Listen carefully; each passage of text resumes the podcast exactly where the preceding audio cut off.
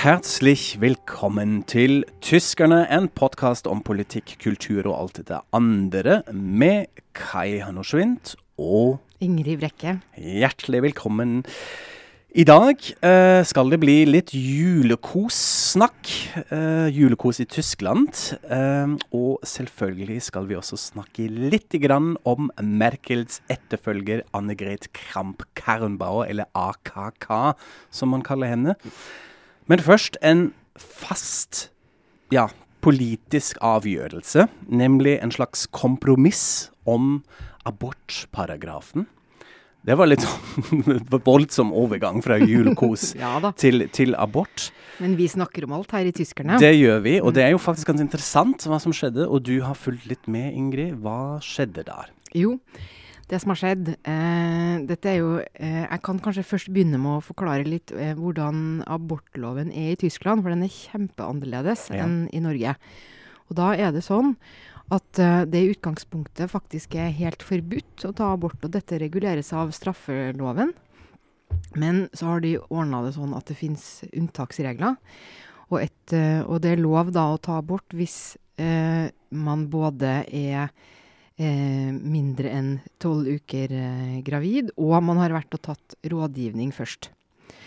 Eh, og så er det sånn at eh, det er eh, lov i Tyskland for leger å ikke utføre det, og det er veldig mange som ikke gjør det. Sånn at når du da først, hvis du har blitt gravid, vil ta abort, har vært på rådgivning, så må du også finne en lege som vil gjøre dette. Og så finnes det da en annen paragraf, som, heter da, som er denne som er omstridt nå, som heter paragraf 219a. Og der står det at det ikke er lov å reklamere for abort. Og det det betyr, det er det at eh, en lege kan ikke skrive på sin nettside at vedkommende faktisk utfører eh, inngrepet. Mm.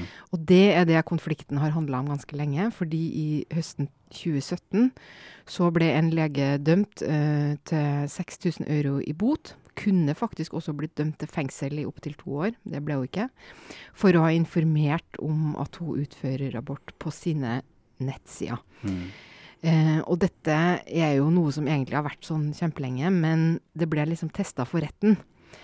Og da gikk det sånn, og dette har jo skapt masse rabalder og vært en sånn verkebyll for denne regjeringa helt siden ble, de ble danna eh, i vår. Eh, fordi sosialdemokratene og eh, er sammen med De Grønne og FDP og De Linke, så ønsker de at denne paragrafen om verbeforbud, altså reklameforbud, skal bare skrapes. Mens eh, CDO og også for så vidt Alternativ eh, für Deutschland de vil at denne paragrafen skal beholdes. Sånn at det har dette handla om nå. Og så er det jo også at uh, Freidemokratene, altså FDP, er også på den kritiske siden. De vil også ha den fjernet, egentlig. De vil også ha den fjerna? Ja, som er litt interessant, fordi de pleier jo kanskje henge seg litt med på den konservative siden i mange sånn verdi Eh, relaterte spørsmål, men akkurat her er de veldig på venstresiden, da? Ja, for de har jo, eh, og det tenker jeg er jo kanskje den liberale tanken, da, ja. om at individene må mm. bestemme selv og sånn. Og de har jo vært de som har pusha på at dette skulle bli en debatt i Bondestag. Eh, og derfor kom det kompromisset nå. fordi at hvis det hadde blitt debatt i Bondestag, så hadde det blitt veldig eller altså i forbundsdagen, så hadde det blitt veldig vanskelig for regjeringa om Skulle de da tvinge sine representanter, eller skulle de stille dem fritt? Og da vil du egentlig få litt samme problemstillinga som i homo-EE, altså mm -hmm. ekte, ekteskap for alle. Der man endte med å stille fritt, og da ble det vedtatt, selv om ledelsen i CDO egentlig ikke vil ha det og sånn. Det var jo også en sånn merkelig sak. Hun har jo alltid vært veldig kritisk mot Eller litt denne merkelige attituden. Jeg, jeg, har litt sånn problemer med det. Tiden er ikke helt moden for det, ja, ja. syns jeg. Men greit, da. Ja. Da kan dere sånn, ta avgjørelsen. Men eh, kompromisset nå, hva innebar den? Hva, land, hva lander de på? Nei, De ble jo da enige om eh, Det ble presentert uh, veldig seint i, i går kveld, eller altså onsdag kveld. Eh, og da er kompromisset sånn at eh, man skal beholde denne reklamen som Nei, denne paragrafen som gjør det forbudt å drive såkalt reklame for uh, abort, da, eller informasjon, som mange andre vil kalle det. Mm. Eh, men de skal også der innføre en del unntak som gjør at uh, man skal kunne, leger og sykehus og sånn, skal kunne fortelle at de faktisk utfører og tilbyr dette inngrepet. da. Mm. Eh, men akkurat hvordan eh, reglene skal utformes, det kommer man tilbake til da. Så De Grønne var jo eh, ikke fornøyde, og heller ikke disse dømte legene. Og da har man jo kanskje litt sånn den store koalisjonen i et nøtteskall med dette. Når man skal forhandle seg frem til en kompromiss, så betyr det for det meste at ja, alle er litt med. Alle kan selge dette til sitt parti og sine velgere som ja, ja, vi har fått våre saker gjennom. CDU kan si ja, ja, dette med reklameforbud, det står jo fortsatt der inne. Vi har vært faste på det, og det står der fortsatt. Mens de andre kan si ja, ja, men det skal utvides litt. Ja. Vi tillater litt mer. Akkurat hvor mye er litt uklart, men vi kommer til å gjøre dette. Så det er enten dette at alle får sine sakene med, eller at man utsetter beslutningen. At ja. man er enig om å å snakke om dette litt senere, kanskje i juni. Ja. Det syns jeg ofte er en sånn stor koalisjons tilnærming, og det tror jeg det folk er ganske lei av etter ja, hvert. Det gir jo en slags følelse av at man aldri blir ferdig med ting, ja. og at ingenting blir løst. Ja, spesielt også når man, når man, snakker om sånn verdisaker, mm. litt sånn ideologisk pregete, at man føler da Hvis dette blir håndtert med en litt sånn puddingete stagnasjon, så tenker man virkelig OK, dette, ja, dette er en sånn uh, dårlig side av at man må ha en stor koalisjon, kompromiss. Men det som er litt interessant, at det var dette her litt sånn førsteprøven til Anne Gret Kramp Karrenbauer, så den nye leder i CDU, etterfølgende av Merkel? Ja, det kan man jo kanskje si. Altså, det, saken har jo pågått veldig lenge, men, men, eh, det ble jo plutselig litt sånn byråhast da, rett etter hun var nyvalgt mm -hmm. partileder. Og det er jo også en sånn typisk sak som er kjempevanskelig for hun, fordi at hun er jo en konservativ katolikk. Eh, sånn, sånn, at eh, det er, dem, det er, jo den delen av partiet som sliter med dette. Fordi eh, altså, Det er jo også sånn som er så interessant med, med de tyske kristeligdemokratene. At de er så veldig breie. At de har så mange retninger inni seg konservative og liberale og næringslivsfolk. Eh, og de har til og med en arbeidstakerorganisasjon inni partiet sitt, har jeg oppdaga. Sånn at det er liksom skal jo Og det er jo sånn man mener et folkeparti er, da. At det skal være plass til alle og sånn. Men det gjør det jo nettopp veldig vanskelig, særlig med disse verdispørsmålene. Og, og, dette har nok vært noe å bryne seg på eh, for henne. Men hun var jo ute og sa da at dette var flott for det ufødte liv og sånn. Mm. at hun fikk jo på en måte som du sa i stad, hun kan si at det ikke er så veldig for andre. Mm. Men det er jo det som er også litt interessant, spesielt i de siste ukene med den prosessen hvor altså disse kandidatene til nye CDU-ledelsen skulle presentere seg i sånne lokale landsmøter, hvis man kan si det sånn. Uh, som var en helt ny prosess for ja, CDU. Disse regionalkonferansene. Sånn, det var ordet. Mm, Regionalkonferanse. Det har man ikke gjort før, at de da skulle reise rundt i hele landet og presentere seg selv. Og da fikk man også, fordi det var så stor mediedekning rundt, uh, hadde man en sånn merkelig følelse følelse at her avgjøres fremtiden for tysk politikk. Litt sånn tysk ja, ja. politisk kultur også, men så glemmer man fort at dette er et konservativt parti. Alle av de tre var konservative. Uh, Annegret Kramp-Karrenbauer Jeg snubler over det, selvfølgelig. Friedrich Merz og Jens Spahn. Alle er uh, ulike nyanser av konservativ. Uh, og det viser kanskje litt hvor flink Merkel har vært i alle de årene, å ta med saker fra alle sider. At det føltes litt sånn Ja, nå snakker vi om hvem som skal styre landet etter hvert, men det handler om partiet først og fremst. Egentlig. Ja, og det er nok mm. veldig sånn som uh, Altså, jeg må si en ting først. og det er at Grunnen til at man ikke har gjort det sånn før, at de presenterer seg på den måten, er jo at det har jo ikke vært noe partiledervalg i CDO. Altså, de har jo bare hatt én kandidat. Ja. Uh, unntatt i 1972, var det vel. Ja, det var Batzel og Kohl. Eh, Nettopp. Mellom, da hadde de to. Ja. Mm. Og ellers har de aldri hatt partiledervalg med flere enn én kandidat. Men nå hadde de altså tre og holdt mm. på med dette. Og det har jo vært kjempeinteressant. Og nettopp mm. som du sier, man får vist fram. Men også det, du har helt rett, tror jeg, at Merkel har uh, kanskje uh, for alle oss som ikke er konservative og ikke liksom støtter Kristeligdemokratene, så har hun gjort partiet veldig spiselig og rundt og, og, og, sentrumsaktig, kanskje, eller hva man nå skal kalle det. Og man har glemt litt det der, hvor konservative de Mm. egentlig er. Og nå får man se det mye tydeligere. Og det har jeg også, uh, den opplevelsen når jeg fulgte med dette landsmøtet nå uh, siste uke på fredag. Jeg holdt ut i tre timer med livesendingen på nettet. Først var det jo hyllest av Merkel og uh, takk til Angela, og vi sier farvel til Angela Merkel. Men så var det litt spesielt, fordi neste ting på dagsorden var at nå kunne sånne lokal- og kommunalpolitikere si litt. De kunne registrere seg, og så fikk jeg tror fire eller fem av den muligheten til å ha, ha sånne korte innlegg.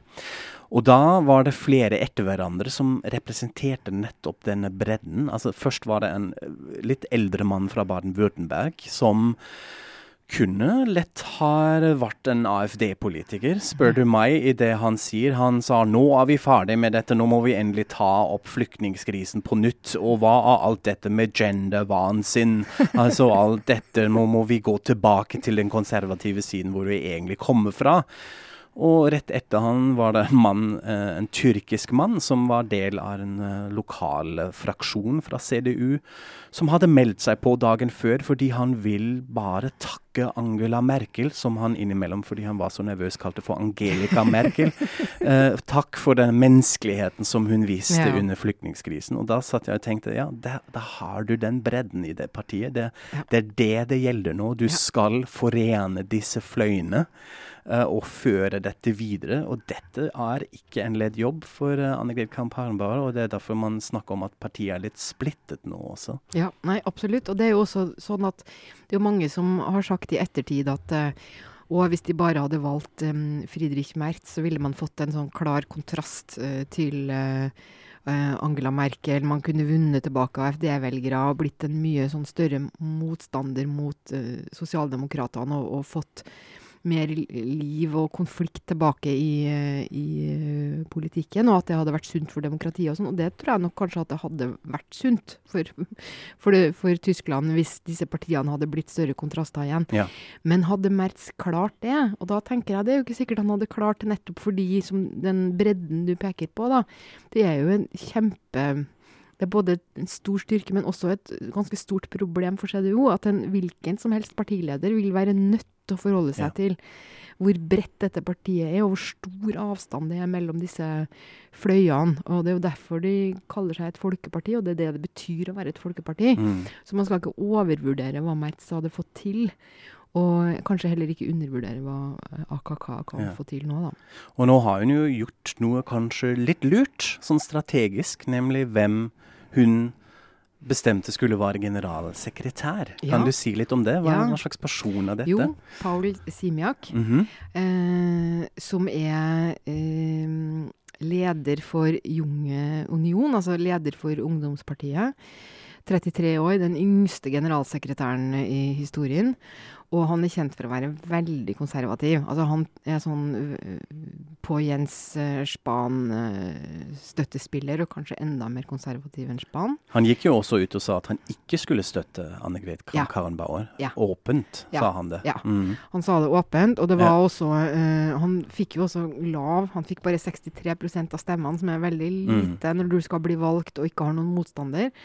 Og det kan skyldes sikkert litt at han regnes som så konservativ, men det skyldes nok også at mange trodde han hadde gjort en deal. Altså at han hadde svikta sin, sitt ideal for å bli generalsekretær. Mm. Eh, og det er nok ikke sant. Altså han hadde nok ikke Han gikk, inngikk ikke noe sånn deal på kammerset og sånn, men hun hadde spurt han om den stillingen. Han hadde sagt eh, 'jeg støtter deg ikke'. Eh, og så hadde han eh, likevel takka ja, sånn som han sa i et intervju etterpå, eh, for partiets beste, og fordi han tror at det er viktig at man får samla partiet og bygd Mm. og sånn.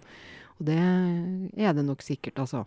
Og han er, har en litt interessant bakgrunn. Man hører det kanskje av, av navnet. Han kommer fra Polen, har polske foreldre, og kom til Tyskland som treåring. Og er da en av disse unge menn i CDO som har vært veldig kritiske til Merkel, og, en, og, og beundra veldig Sebastian Kurz i Østerrike, da, som er litt sånn helten deres. Og det er jo disse gutta, og kanskje også da helseminister Jens Spahn, som var den tredje kandidaten som da fikk minst oppslutning. Kanskje er det disse som er fremtidas vinnere. Mm. Sånn at om det ikke gikk nå, kanskje senere, blir eh, Kristeligdemokratene mer eh, konservative, kan jeg forestille meg.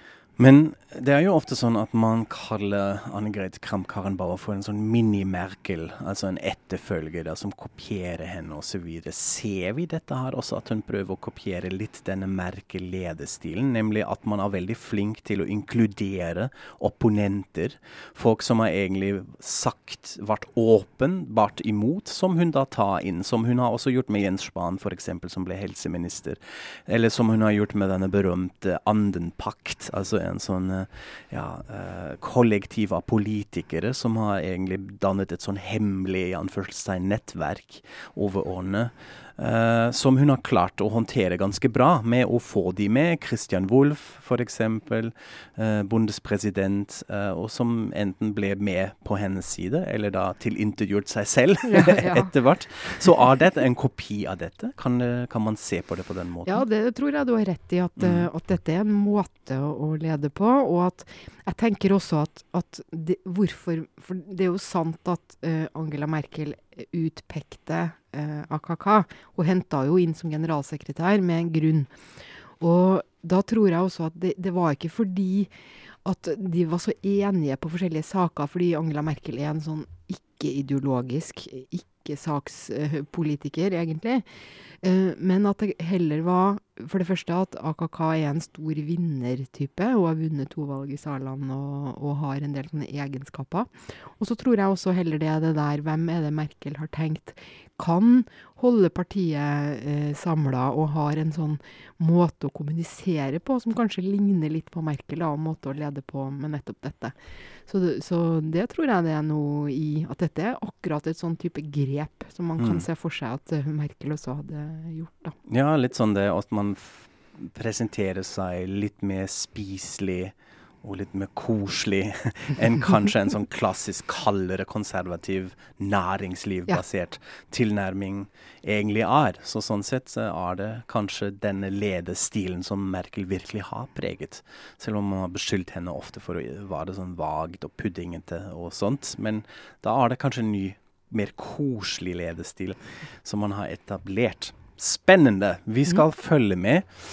Ja, og fra et parti som prøver å være koselig, til noe som faktisk er koselig, syns de fleste i hvert fall. Nemlig julemarked. Julemarkedene i Tyskland. Man kommer jo litt med dette i Norge òg. Det dukker jo opp her og der. Uh, men det er uh, mange som sier du må reise til Tyskland hvis du vil oppleve en sånn ordentlig julemarkedskos. Og da syns jeg det var litt gøy når uh, Goethe-institutt har nå nylig publisert en liste med de ti fineste julemarkedene i Tyskland. Så så jeg på den, og så så jeg å herregud, jeg har jo vært på to av de selv. Uh, så de tenkte vi å nevne uh, litt her nå. Uh, det er den alle store byer, og også små byer. Så vi har jo egne julemarked, som ofte begynner på slutten av november. Uh, som da varer helt til jul, ikke over jul. Det er alltid litt interessant at det er ofte slutt på 23. eller 24. Ja. desember, mm. så er det ferdig.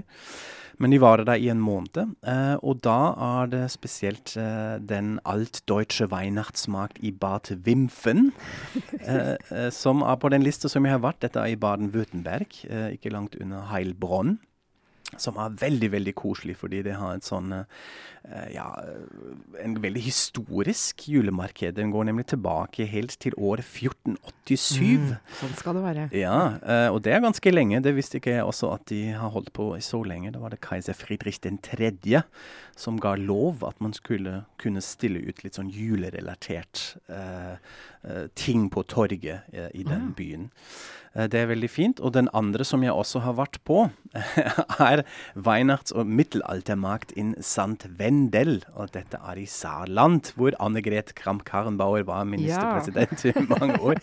Og da er greier at man kombinerer en sånn klassisk julemarked med en middelaldermarked. Da er det folk som går rundt kledd ut som sånne gaukler og uh, hendler fra middelalder. Da kan man ha sånn middelalderpreget mat, og det er noen dyr der, og folk sjonglerer med sånne fakler og sånne ting. Veldig skittent og liksom stinker litt ekstra. og, og, pest og ja. ja, veldig koselig. Nei, så da har man et sånn tematisk uh, julemarked, men ellers er det jo kanskje litt sånn klassisk at man drikker glühwein, ja, med alkohol i, i Tyskland, og det finnes sånn ulike typer mat. Uh, syns du også det er koselig? På, har du Ja. vært på julemarkedet i Tyskland? Ja, jeg har vært Ja. på Jeg har vært i hvert fall på sikkert ti forskjellige julemarkeder Oi, i Berlin. Yes. Ja, ok. Eh, for der har man jo hele spekteret fra virkelig sånn der eh, kitschy billigmarked på Alexanderplatz eh, Ja. til eh, det fineste kanskje av alle, som er på Gendarmenmakt, hvor det Mhm. koster penger å komme inn. Eh, og hvor eh, de har veldig mye sånn kunsthåndverk, og man kan drikke champagne og sånn. Jøss, en sånn uh, Mm. upper class. mm, Upper class uh, julemarked, ja. Mhm. Og så har du jo også disse veldig corny designmarkedene Mhm. og sånn. Jeg skal forresten legge ut et bilde på Facebook-sida av en av mine fineste eiendeler som jeg har kjøpt på et sånt veldig rart designermarked hvor en eller annen ambisiøs kunstner på kanskje 18 år hadde fått en god idé med hvordan man kan lage knagger som ser ut som sånn Hvor man bruker kosedyr i stedet for eh, elghoder, og du kan ha sånn Ja, det, jeg kan ikke forklare det, men jeg skal legge ut et bilde. Eksempel på rare ting du kan skaffe deg på julemarkedet. Det høres ut som noe som man kjøper Mm. på en julemarked. Ja. Jeg må jo si at uh, man har kanskje et sånn elsk-hat-forhold til eh, julemarked. I, I hvert fall de fleste jeg kjenner i Tyskland. Fordi ofte betyr det jo også at det har ikke snødd, det er altfor varmt, det regner, og så står vi da midt i regnet, hører på høyt sånn julemusikk fra karusell i nærheten, og drikker en sånn lunka varm uh, julegløgg, glühwein, som man får hodepine av fordi det blir litt for mye. Uh, og så er det litt sånn dårlig stemning også. Uh, så Det høres ut som essensen av jul, spør du meg. er da. litt sånn julemarked lagd av David Lynch, eller jeg vet ikke. Så eh, ja, det er litt sånn blandet, men det er jo absolutt uh, ingen spørsmål at dette er veldig sånn identitetsskapende Mm. tysk. Altså både tradisjonell, men også noe som samler folk litt. Folk går dit etter jobb sammen, osv., osv. Og det er derfor, og nå blir det kanskje ikke så, så koselig når man tenker på de terrorangrepene som vi har sett, f.eks. i Berlin, altså julemarked på Breitscheidplatz. Og også nå i Strasbourg, eh, noen dager siden. Eh, da er det noen som er ute etter noe sånn sentralt kulturelt i det tyske Mm. samfunnet, når man angriper julemarked og går løs på denne ja, kosen der, i anfør, anførselstegn, så, så går du til hjertet av noe som samler folk, og som betyr noe for folk. Mm. Så det har en eh, Ja, det har det en har, jo, betydning. ja, og det har jo på en måte virka litt òg. Det syns jeg jo er utrolig trist, ikke sant. At altså bare Ja, når jeg var i Berlin for Ja, det var jo du òg. Vi var jo begge i Berlin for et par uker siden. Mhm. Og det var jo akkurat da disse julemarkedene gjorde seg klare og skulle åpne og sånn. Og da var jo hele Berlin var jo bare en eneste lang bilkø. Fordi alle markedene måtte lage, ha sånne sikkerhetsgreier og betongblokker og alt mulig sånt, ikke sant. Ja. Og det er jo veldig trist at det, at det har blitt sånn som det, da. Ja, absolutt. Jeg, satt og, jeg Mm. tok taxi en dag, og da var det også en veldig sur taxisjåfør som sa herregud, nå er det så mye mas med disse betongblokker her på Breitscheidplatz, all på grunn av den terroren og Ja. sånn. Ja. Så det, ja, man, man prøver å ta vare på dette. Ja. Uh, så det blir spennende å se. Eh, men en ting som uh, jeg syns er litt gøy med tyske julemarkeder, kanskje sammenlignet med de her, at det er en sånn stor variasjon av mat og drikke Ja. som man kan få da. Har du noe, er det noe spesielt som du har spist eller drukket da, som du husker ja, du likte? det er det. Ja. For eksempel, jeg er jo en av de som ikke er så glad i sånn glühwein, da. Men det finnes jo hvit glühwein. ja, riktig. Som, er, som er eplemost og hvitvin, eller eh, kanskje med calvados, eller Mhm. eh, sånn, med eplebiter i, og som er kjempegodt. Og det har de ofte på, på julemarkedene, i hvert fall i Berlin. Jeg vet ikke hvor regionalt det er, men det er i hvert fall én sånn deilig mm. ting. Og jeg er også veldig glad i det der klassiske eh, grønnkål, eh, grønnkål og pølse som Mhm. du får. Eh, Det er veldig godt. Og så er det et kjempekult julemarked i Berlin på, ved Kult Kulturbrauerei, hvor de kjører sånn internasjonal profil. da, Mhm. eh, Hvor det er all mat fra masse forskjellige land i forskjellige boder, og også sånn finsk gløgg og svensk gløgg og sånn, som er nesten Ja, men sikkert mest sprit, som Ja. er kar, ja. Gjennomsiktig. Men der kan du få alt. Ja, gjennomsiktig gløgg. Ja, ja. Men der Mm. kan du få nesten alt mulig, også sånn raclette og sånn. Så Ja. jeg- åh, det er deilig. Ja. Det er også en ting som jeg eh, liker veldig godt, eh, som jeg aldri har sett utenfor Tyskland. Nemlig sånn eh, så, altså sjampinjong og løk i en sånn brunsaus Å, ja. som du får i en sånn skål. Og så kan du dippe sånn bagett eller sånn hvit brød inni det. Kjempegodt. Og Det forbinder jeg merkelig nok med julemarked. Eh, så det, det er veldig, veldig gøy. Apropos mat og drikke og jul, Ingrid. Ja. Jeg får jo hvert år fra ulike kanter samme spørsmål. Hvordan er det, Kai, når du er hjemme i jula i Tyskland? Hva spiser dere? Uh, så det er noe som engasjerer folk veldig, og da uh, Tja, hva skal jeg si? Nå må jeg prøve å være litt diplomatisk. Syns jeg også at vi er kanskje litt mer åpne i Tyskland. Og det er litt Ja, vi har jo både pinnekjøtt Ja, dere har to muligheter. ribbe, vi. Ja. Er du team pinnekjøtt eller team ribbe? Uh, dette høres litt kjedelig ut, spør du meg, men nå er kanskje familien min litt spesielt. Vi har jo en sånn litt, uh, syns mange i Norge, i hvert fall merkelig opplegg, nemlig at vi har vi har tema temakvelder hver, jul med ulike typer etnisk mat. Som da alle, alle tar med noen eh, retter fra familien. Så har vi hatt italiensk, og vi har hatt sånn amerikansk, og vi har hatt alt mulig. Og der ser jeg allerede på ansiktet ditt nå dette, dette går ikke. Hmm. Nei, men det er helt fantastisk. fordi på den ene sida tenker jeg nei, det, det går virkelig ikke. Det er ikke en juletradisjon å spise forskjellig mat hver jul.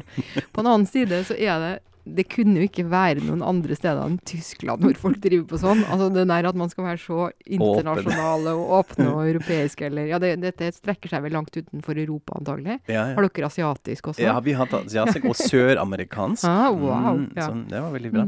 Altså, det er litt spesielt. Det er nok sikkert litt min hippie-familie som uh, gjør det sånn. Men ellers har man jo også Du har dette med fattigmannsmat, altså det er sånn potetsalat og pølser på julaften. Ja. Eller uh, katolsk preget av karpe, altså fisk, som man skal ha. Og så har man den store måltidet på første juledag. Det er mange som gjør det. At Ja, dagen mm. etter Ja. Uh, At det da blir en annen type litt sånn stor middag eh, og sånn. Uh, men jeg føler generelt at det er litt mer variasjon, og dette gjelder jo også generelt juletradisjon og julestemning. Fordi det er jo også absolutt ikke noe spørsmål at juletida er ikke nødvendigvis hyggelig for alle. Det er mange som gruer seg til jul. Mm. Fordi da har man det voldsomme presset, at man skal henge med familien osv. Og, så videre, og ha det hyggelig og koselig. Og hvis det, enten har man ikke familie, eller syns generelt det er ikke så koselig, så syns jeg det er ganske tøft i Norge. Hva skal man gjøre? Mm. Da føler jeg at i Tyskland har vi litt mer options, da. Jeg husker når jeg var tenåring, eller generelt litt yngre. Så var det mange venner som spurte ja, men skal du være med ut og klubbe på 24. etterpå. Etter middagen så går vi ut i Frankfurt, var det Batschkapp, Cup, en sånn veldig kjent klubb som hadde sånn Christmas rock, hvor man kunne møtes på kvelden. Og da var det DJ og full fart. Og uh, det er ikke at alt er stengt på denne dagen eller de andre to dager. Det er kafeer og puber som har åpne, og du har rett og slett flere muligheter til å Ja, gjøre for- noe. Ja, Ikke føle deg så ensom på den dagen, og det syns jeg er veldig flott. Ja. Nei, jeg har jo merka det. Jeg har jo hatt noen sånne alenejuler både her og der. Og da Ja. er jo det å være i Berlin har jo vært en glede. Nettopp fordi sånn yndlingskafeen min var åpen hele julaften fram til klokka åtte. Så jeg Mm. kunne gå dit og spise middag før det liksom ble sånn ordentlig kvelden. Og, Mm. og det er veldig annerledes, altså. Og du er ute i gata, andre folk er ute i gata. Og det er ikke sånn som her, hvor du føler at hele samfunnet er sånn hermetisk eh, lukka fra midt på dagen julaften og til Ja. et stykke ut på andre juledag. Men det har blitt litt annerledes her òg, føler jeg. Altså Ja. at Oslo er blitt litt mer sånn storbyaktig, og det er noen steder nå som har Ja. åpent, vet jeg. seg. Og det er fint. Så uansett hvordan du feirer jul, så kos dere. Eller ikke, det er lov. Ja. Gjør noe helt annet. F.eks. binge tyskerne-episodene. Eh, og drikk deg full med julegløgg, eller whatever man gjør. Eh, så god jul, wha- wha- whatever det betyr, eh, vil jeg si. Men før vi runder av, vi må jo ha vår ordspalte, og da tenkte vi at vi har med noe sånn sesongbestemt ord eh, i dag, som er også litt merkelig, syns alle kanskje utenfor Tyskland. Hva slags ord er det, Ingrid? Jo, nei, det er jo en, eh, også en høytid som snart kommer, og det er nemlig silvester. Mm -hmm. Og det syns jeg var veldig eh, rart når jeg begynte å henge i Tyskland, at nyttårsaften heter silvester. Mm -hmm. eh, og det var også vanskelig, av en eller annen grunn vanskelig å huske, så jeg måtte alltid tenke at det ligner på sydvest. Det gjør det jo kanskje egentlig ikke, men Skal du ja. være med på sydvestfeiringen? ja. Mm -hmm. Ok. Men eh, Ja. og, eh, grunnen til at det heter silvester, det har jeg nå omsider eh, researcha. Mhm. Og det er en helgen, Sankt Sylvester, eh, som var pave. Eh, han var først pave, da, og så ble helgen Mhm. etterpå. Det, Pleier å være sånn. sånn. det pleier å skje. Ja. sånn ca. 400 eh, etter Kristus. Og hans, alle helgenene har jo sine navnedager, og hans dag er da nyttårsaften. Og så har han jo blitt eh, Silvester, da. Mhm. Så det, det er historien om det ordet. Og Mhm. det er jo også, jeg syns det er litt sånn festsjung over hele Ja. det Silvester. Det syns jeg òg. Det er noe med ordet silvester. Mm. Uh, og så syns jeg det var veldig artig som barn at man kan hete også Silvester, fordi jeg lærte jo det omvendt. Jeg, først var det denne Ja. kvelden, Silvester, og så fins det folk som heter som nyttårsaften. Herregud, så gøy. Så det er veldig fint. Jeg vet dere det. Kan skryte litt med uh, Ja, i Tyskland kaller man det faktisk for Silvester. Uh, jeg tenker vi runder av her, uh, og ønsker alle lytterne våre God jul og godt nytt år. Eh, dere hører nok fra oss i romjula, tenker jeg. Da har vi en liten ekstra episode om kunst og penger. Fantastisk De store kombinasjon. verdier. De store verdiene som vi er opptatt av. Så det kan dere se frem til. Så da høres vi jo før året er slutt. Ellers eh, følg oss på Facebook. eh, lik og del, gi oss stjerner, og kom gjerne med tilbakemeldinger. Det har vi, får vi jo innimellom, og det er alltid veldig interessant hva dere spør eller lurer på eller sier til oss, og fortsett med det. Og så sier vi ja, takk og auf Wiederhören.